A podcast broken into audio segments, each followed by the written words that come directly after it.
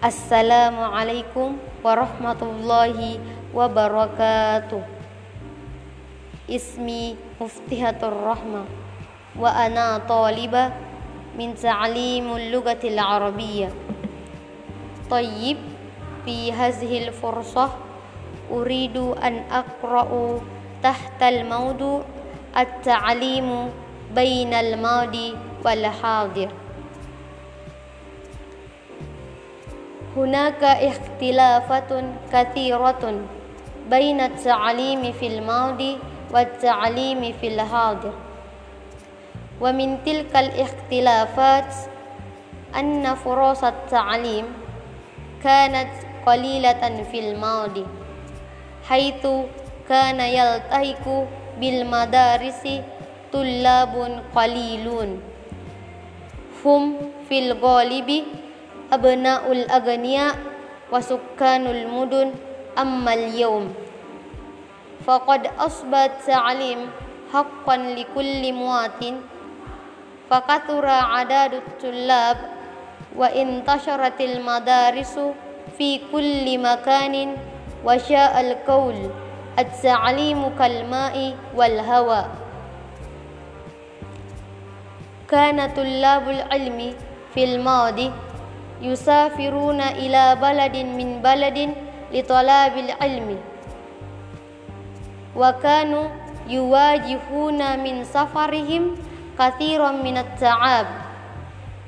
فكانوا يركبون الجمال أياما وأشهر أما اليوم فالمدارس والجامعة كثيرة في كل مدينة وقرية تقريبا حيث يذهب الطالب إلى مدرسته أو جامعته بالسيارة أو سيرا على الأقدام ومن ناحية أخرى يستطيع الطالب أن يتعلم وهو في بيته عن طريق الشبكة الدوالية. من الاختلافات أيضا أن المعلم كان لا يطلب أجرا على عمله في الماضي لأنه كان يطلب الأجر من الله كان هدف الطالب طلب العلم.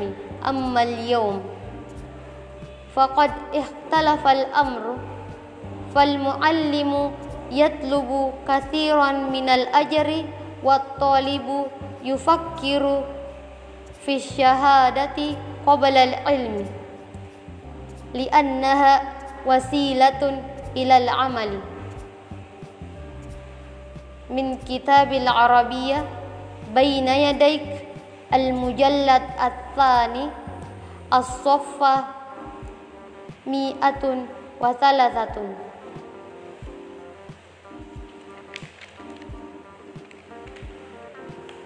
مفردة النص اختلافات التعليم فرصة جمعها فرص يلتهك أبناء الأغنياء وسكان المدن أصباها حقا مواتين انتشر شاع يسافرون طلاب العلم يواجهون التعاب يركبون الجمال سيرا على الأقدام عن طريق الشبكة الدولية. أجرا. هدف. اختلاف الأمر. يفكر. الشهادة وسيلة شكرا عفوا على خطأ من الله المستعان وإليه الوكيل ثم السلام عليكم ورحمة الله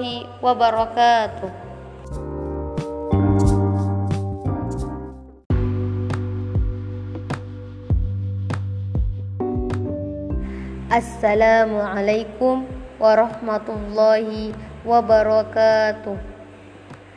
اسمي مفتهة الرحمة طالبة من تعليم اللغة العربية.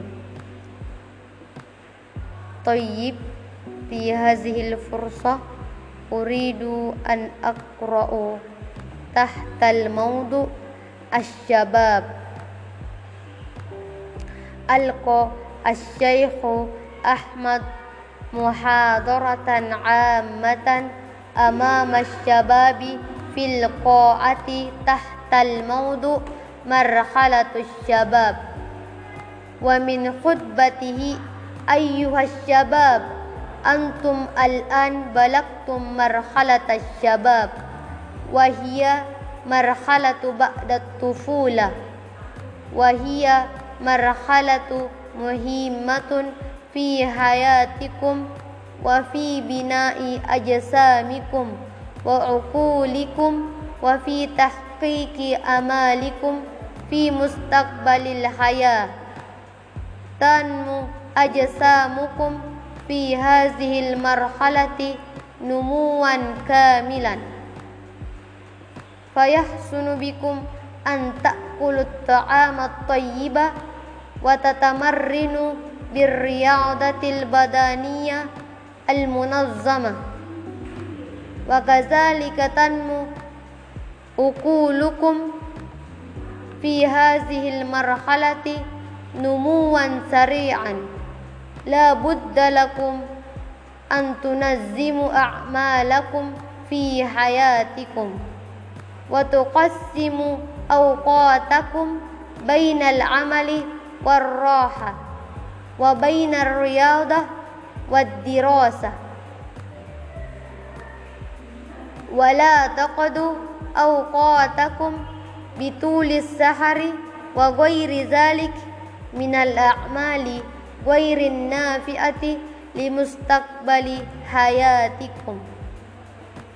قال الشيخ مصطفى الغلايين في كتابه موعظة الناشئين.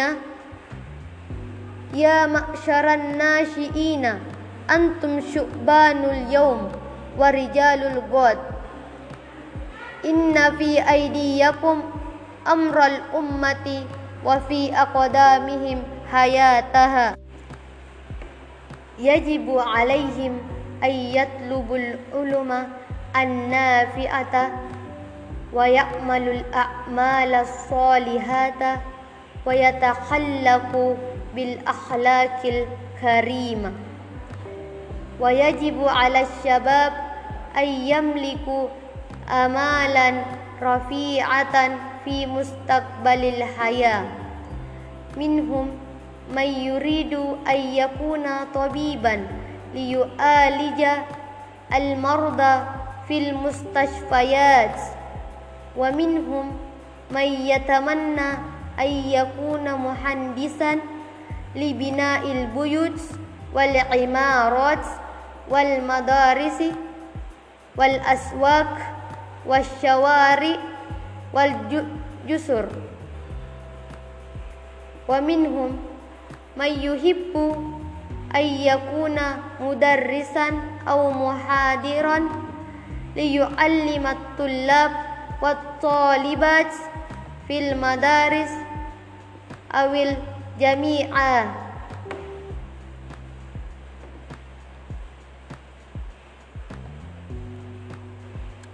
ومنهم من يتمنى أن يكون صحفيا لكتابة مشكلة المجتمع والمراهق والآخر يفضل أن يكمل دراسته في جامعة دينية ليكون داعيا مشهورا للإسلام ومنهم من يفضل أن يكون محاميا ومنهم من يختار أن يكون لعيبا مشهورا في كرة القدم من كتاب اللغة العربية للمدرسة الثانوية الإسلامية. مفردة النص. بنى قسم محامية. الصحافة.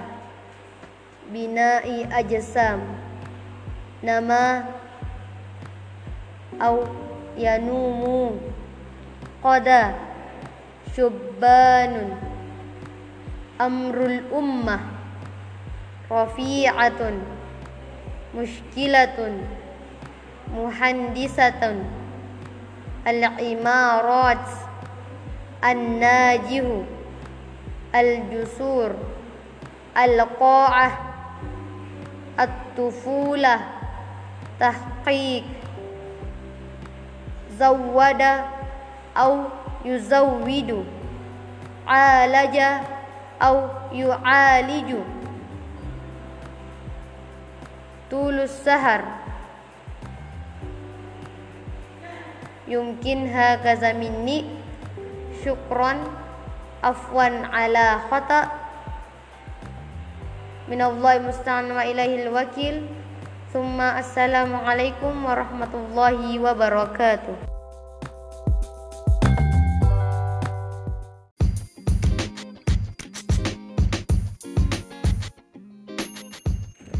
السلام عليكم ورحمة الله وبركاته.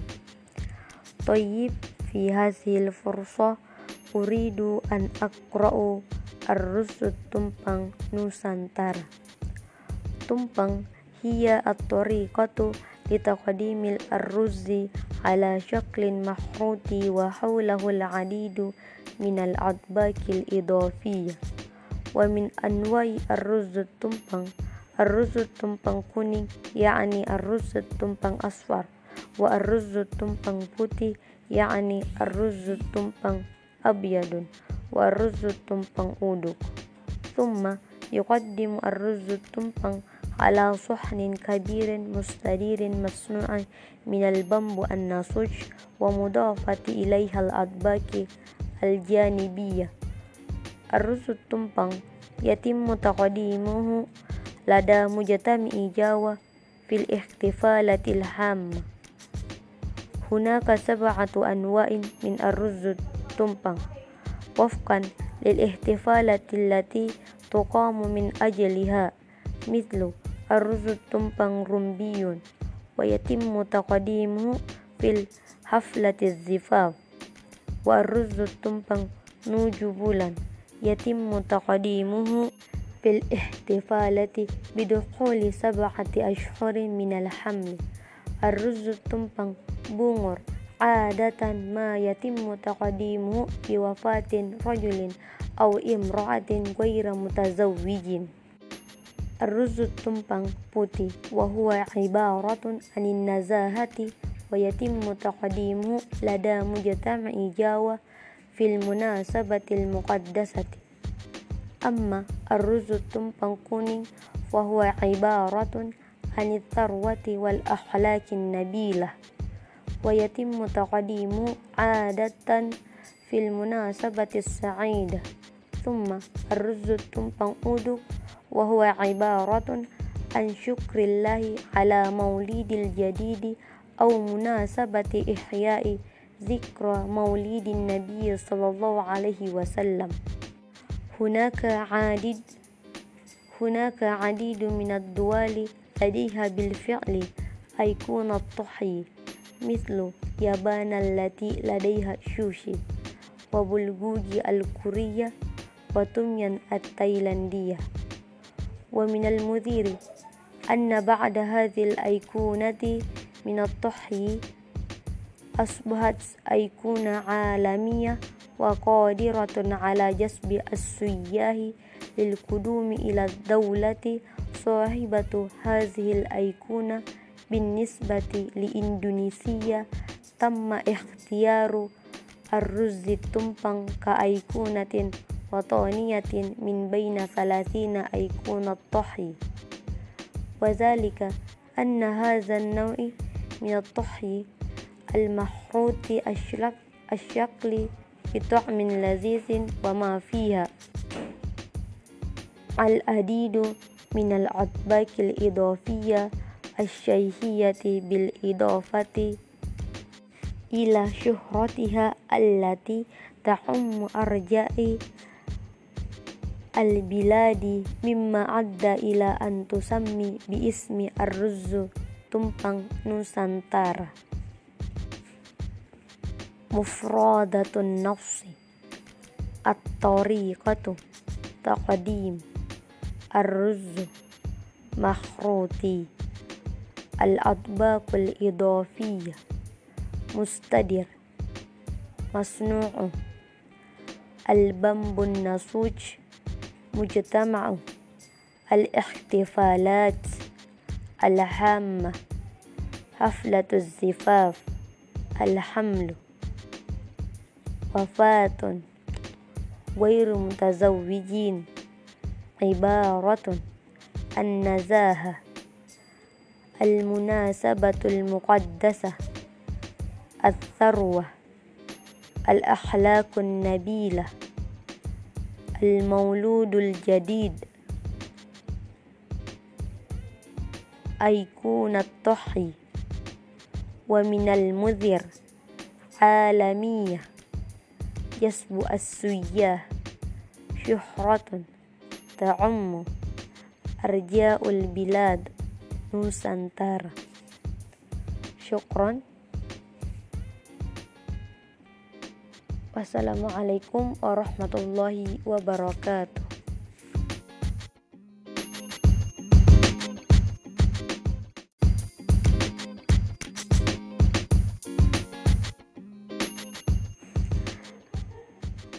الله وبركاته السلام عليكم ورحمة الله وبركاته طيب في هذه الفرصة أريد أن أقرأ الحمامة والنملة ذهبت نملة صغيرة إلى جدول ماء لتشرب وتستري بعد أن تعبت كثيرا في جمع قدامها وسقطت في الماء ولم يمكن الخروج منه لأنها لا تعرف السباحة وقد استقرق وكانت حمامة بيضاء جميلة واقفة على حجر في الماء. ورأت ما حصل للنملة.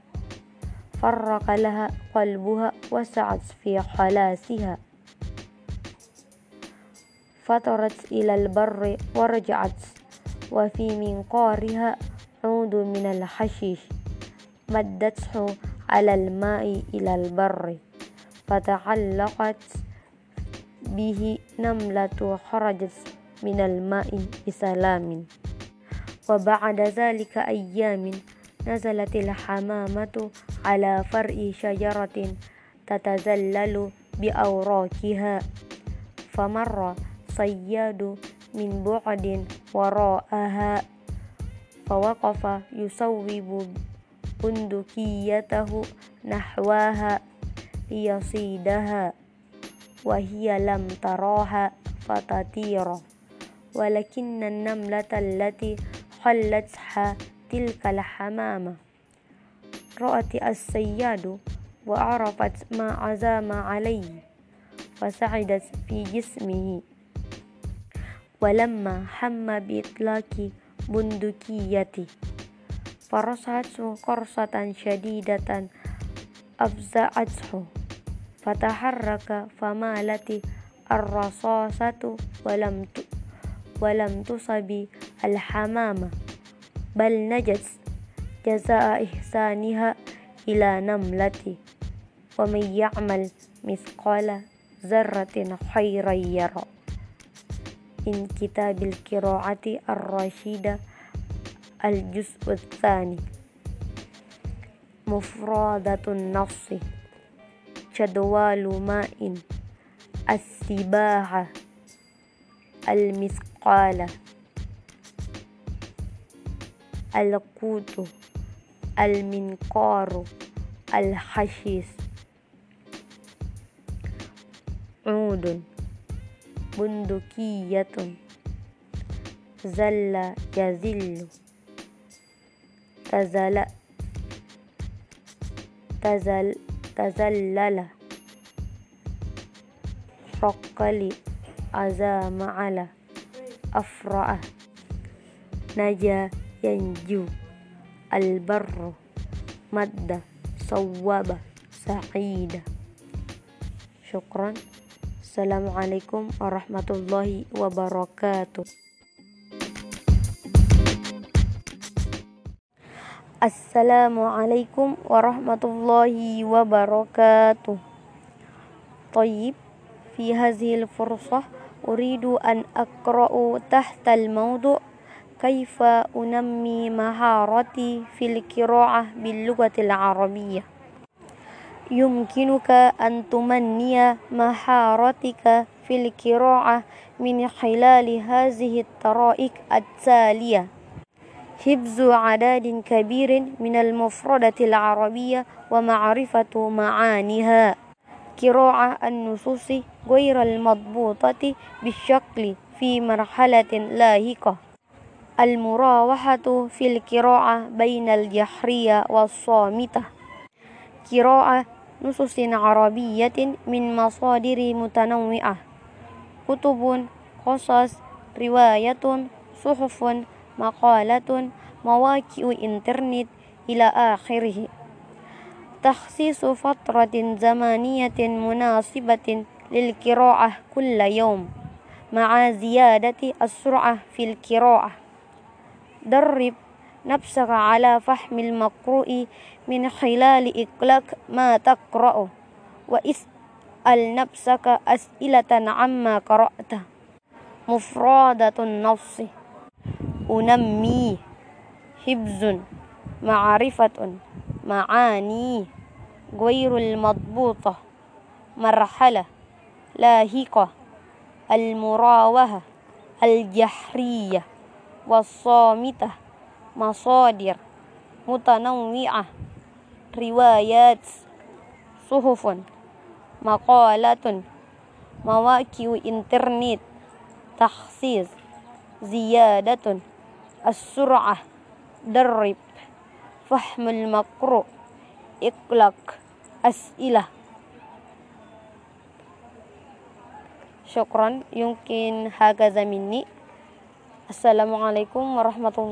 وبركاته السلام عليكم ورحمة الله وبركاته طيب في هذه الفرصة أريد أن أقرأ تحت الموضوع ماذا تحب أن تكون سأل المعلم التلاميذ مرة في الصف واحدا واحدا ماذا تحب أن تكون وقال كل واحد حر في جوابه فلا يخاف ولا يستهي. وقال أحمد وكان أصغر التلاميذ أنا أريد أن أكون سائقا في القطار فأركب دائما وأسافر مجانا وأتنزه. وقال عبد الرحمن إن سائق القطر في تعيب عظيم وحر وجهيم ولكني أحب أن أكون ربانا في باهرة. فأسافر في البحر وأزار البلاد البعيدة مجانا وأشاهد عجائب الدنيا. وقال إبراهيم الربان وباخرته في خطر من الغرق ولكني أحب أن أكون طبيبا. فأداوي الناس وأداوي الفقر مجانا وأخدم الخلق وأحافظ على صحتي وأعيش بأمن وسلام. وأجابه عبد الرحمن وقال هذا ليس بصحيح. ليست الباخرة في خطر في هذا الزمن. والبو والبواخر تسافر دائما في هذه الأيام بأمن وسلام. وبالعكس أرى الأطباء يمرضون ويموتون وقطع إبراهيم وقال أما سمعت أن باخرة غرقت قبل يومين أو ثلاثة أيام. وأراد إبراهيم أن يجيبه ولكن قال المعلم وهذا ليس وقت مناظرة وقد بكي كثير من الطلبة. وماذا تقول يا قاسم؟ قال قاسم أنا لا أحب أن أكون سائقا أو ربانا أو طبيبا بل أحب أن أكون فلاحا أزرع وأهرز ولا أحد يخدم الناس وينفعهم كالفلاح وهو الذي يزرع الحبوب والخضار فيأكل الناس والدواب. وقال سليمان أنا أحب أن أكون تاجرا لدكان كبير في سوق كبيرة يأتي الناس إلي ويشترون. وقال حامد أنا أحب أن أكون صناعا ماهرا ومخترعا أصنع وأحتر الأشياء الإجابة قال خالد أنا أحب أن أكون غنيا كبيرا. ألبس ما أحب وآكل ما مشتهي وأسافر إلى أين أريد. ودائما عندي مال كثير وأسكن في قصر كبير وضحك الأولاد من قول عبد الكريم وخجل عبد الكريم. وقال محمد أنا أحب أن أكون عالما أخاف الله وعبده وأعز الناس وآمرهم بالمعروف وأن وأنهاهم عن المنكر وأهزرهم عذاب الله. قال المعلم أحسنتم يا أولادي وأنا أدعو لكم بالتوفيق والنجاة. ولكن كونوا مسلمين وابتغوا الله بأعمالكم وانفعوا الدين بشكلكم واخدموا الأمة بعلمكم. قال التلاميذ وماذا تقول أيها الأستاذ عن عبد الكريم وقصره؟ قال المعلم المال نعمة من الله يجب عليها الشكر وسعيد جدا من آتاه الله مالا فهو ينفق منه سرا وجهرا. ويبتغي به مرضة الله ويحدم به الإسلام. وقد جاء في الحديث الشارف لا حسد إلا في اثنتين رجل آتاه الله حكمة فهو يقضي بها ويعلمها. وقد كان سيدنا عثمان غنيا وسيدنا عبد الرحمن ابن عوف غنيا ورفع عبد الكريم رأسه وقال سأجتهد أن أحدم الإسلام بمالي وبتغي به مرضة الله. من كتاب القراءة الرشيدة الجزء الأول. مفردة النص. سائق. ربان. باخرة. الفلاح الصناء. مختر دواء يداوي. ركب. وعز. يعز. هزر. يهزر. ابتغى. يبتغي. اجتهد. يجتهد. شكرا. يمكن هكذا مني. عفوا على الخطأ السلام عليكم ورحمة الله وبركاته.